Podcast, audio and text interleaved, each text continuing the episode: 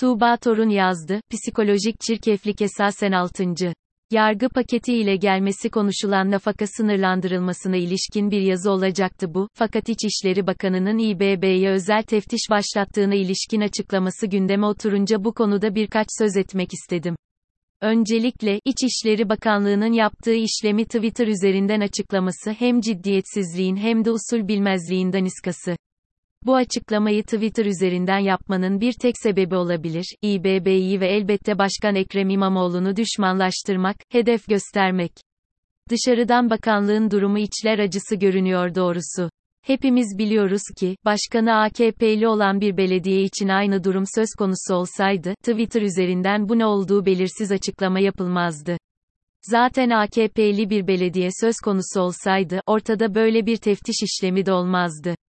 Tamamen operasyonel olduğu açık, hedefli, hesaplı ve sinsi bir girişimden ibaret bakanlığın işlemi de bildirimi de. CHP yerel yönetimlerden sorumlu Genel Başkan Yardımcısı Ordu Milletvekili Sayın Seyit Torun, Sayın Ekrem İmamoğlu ve CHP'li Büyükşehir Belediye Başkanları ile bir basın açıklaması yaptı derhal. Bu açıklamada da belirttikleri üzere, belediyelerin istihbarati bir görevi olmadığı, işe alımların adli sicil kayıtlarının kontrol edilerek yapıldığı, dolayısıyla ortada suçlu varsa bile bunun İBB tarafından bilinemeyeceği, gerekli işlemleri yapmanın Adalet Bakanlığı ile İçişleri Bakanlığı'nın görevi olduğu vurgulandı. İktidarın yıllardır uyguladığı taktik bu, çamur at izi kalsın. Ve elbette en çok kullandıkları konu, terör.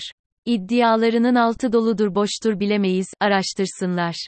Fakat bunu İBB'ye ve CHP'ye özgülemek en hafif tabirle alçakça.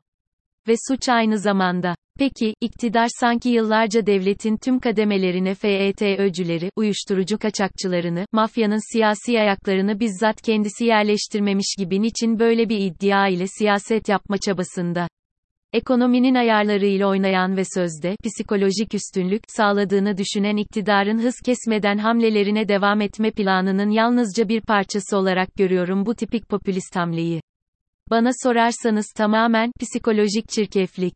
Akıllarınca üst üste atak yaparak, muhalefeti en hassas noktalarından biriyle son zamanlardaki en önemli zaferi denebilecek İBB ile vurarak demoralize etmeye, yıpratmaya çalışıyorlar. Aynı zamanda, bir taşla iki kuş misali, Cumhurbaşkanlığına adaylığı en çok istenen ve konuşulan isimlerden biri olan Ekrem İmamoğlu'nu sindirme, korkutma amacını da içeren bir hamle. Fakat akıl terazileri o kadar şaşmış, gözleri öyle kör olmuş durumda ki, bu hamlenin kendilerine misliyle olumsuz şekilde geri döneceğini hesap edemiyorlar. Olumsuz dönecek, çünkü hepimizin bildiği üzere, Ekrem İmamoğlu, haksızlık edilen kişi olarak halkın gözünde zaten, markalaşmış biriydi ve bu haksızlık Ekrem Başkan'a 800 bin oy farkla başkanlığı getirdi. Halk, zaten Ekrem Başkan'a sahip çıkmayı geçmişte deneyimledi ve bu hamlelerin sinsiliğinden neredeyse emin bir önyargıya şimdiden sahip. Diğer yandan, genel geçer bir refleks olarak, halkın mağdur edilen kişileri daha çok sahiplendiği de bir gerçek. Hal böyleyken hangi akla hizmet kendilerini bu kör kuyulara attılar, bilemiyoruz.